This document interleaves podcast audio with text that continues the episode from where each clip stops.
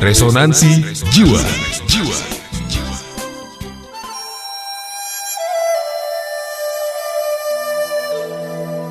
Kesombongan pendoa.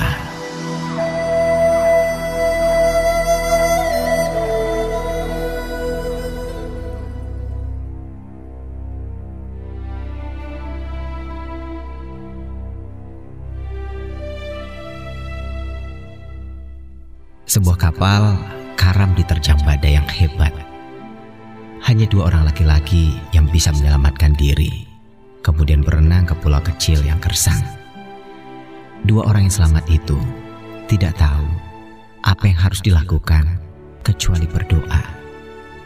Untuk mengetahui doa siapakah yang paling dikabulkan, mereka sepakat membagi pulau kecil itu menjadi dua dan mereka tinggal berseberangan.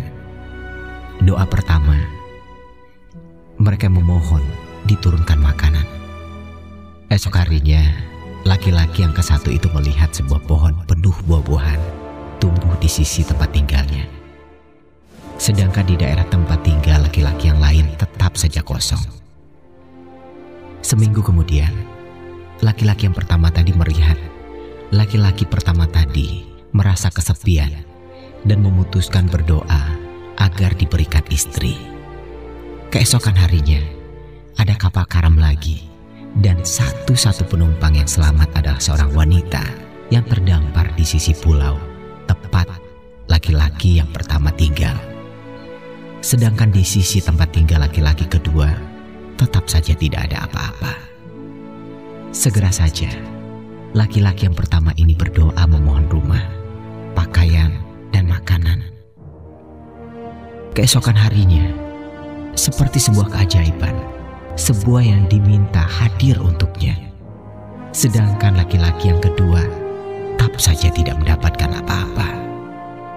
Akhirnya, laki-laki yang pertama ini berdoa meminta kapal agar ia dan istrinya dapat meninggalkan pulau itu.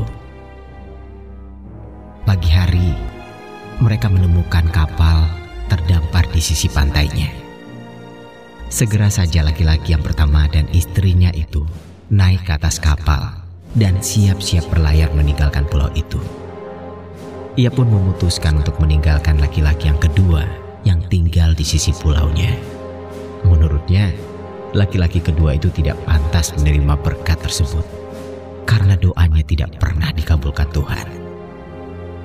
Begitu kapal siap untuk berangkat, laki-laki yang pertama mendengar suara dari langit.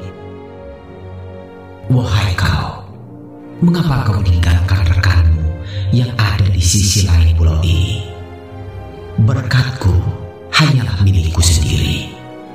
Hanya karena doakulah yang dikabulkan. Jawab laki-laki itu dengan sombong. Doa temanku itu tidak satu pun dikabulkan. Maka ia tidak pantas mendapatkan apa-apa. Kau salah. Suara itu membahana. Tahukah kau bahwa rekanmu itu hanya memiliki satu doa saja dan semua doanya terkabulkan. Bila tidak, maka kau tidak akan mendapatkan apa-apa sampai detik ini. Laki-laki yang pertama itu heran dan bertanya, Doa macam apa yang ia panjatkan sehingga aku harus berhutang budi atas semuanya ini kepadanya. Ia berdoa agar semua doamu aku kabulkan.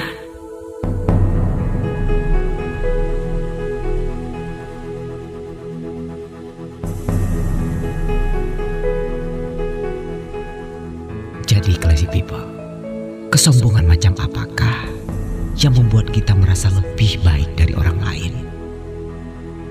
Banyak orang yang telah mengorbankan segala sesuatunya demi keberhasilan kita. Tidak selayaknya kita mengabaikan peran orang lain. Dan janganlah menilai sesuatu hanya dari yang terlihat saja. Tapi nilai dari yang dalam yang sedalam-dalamnya. Nilailah segalanya keberhasilan kita.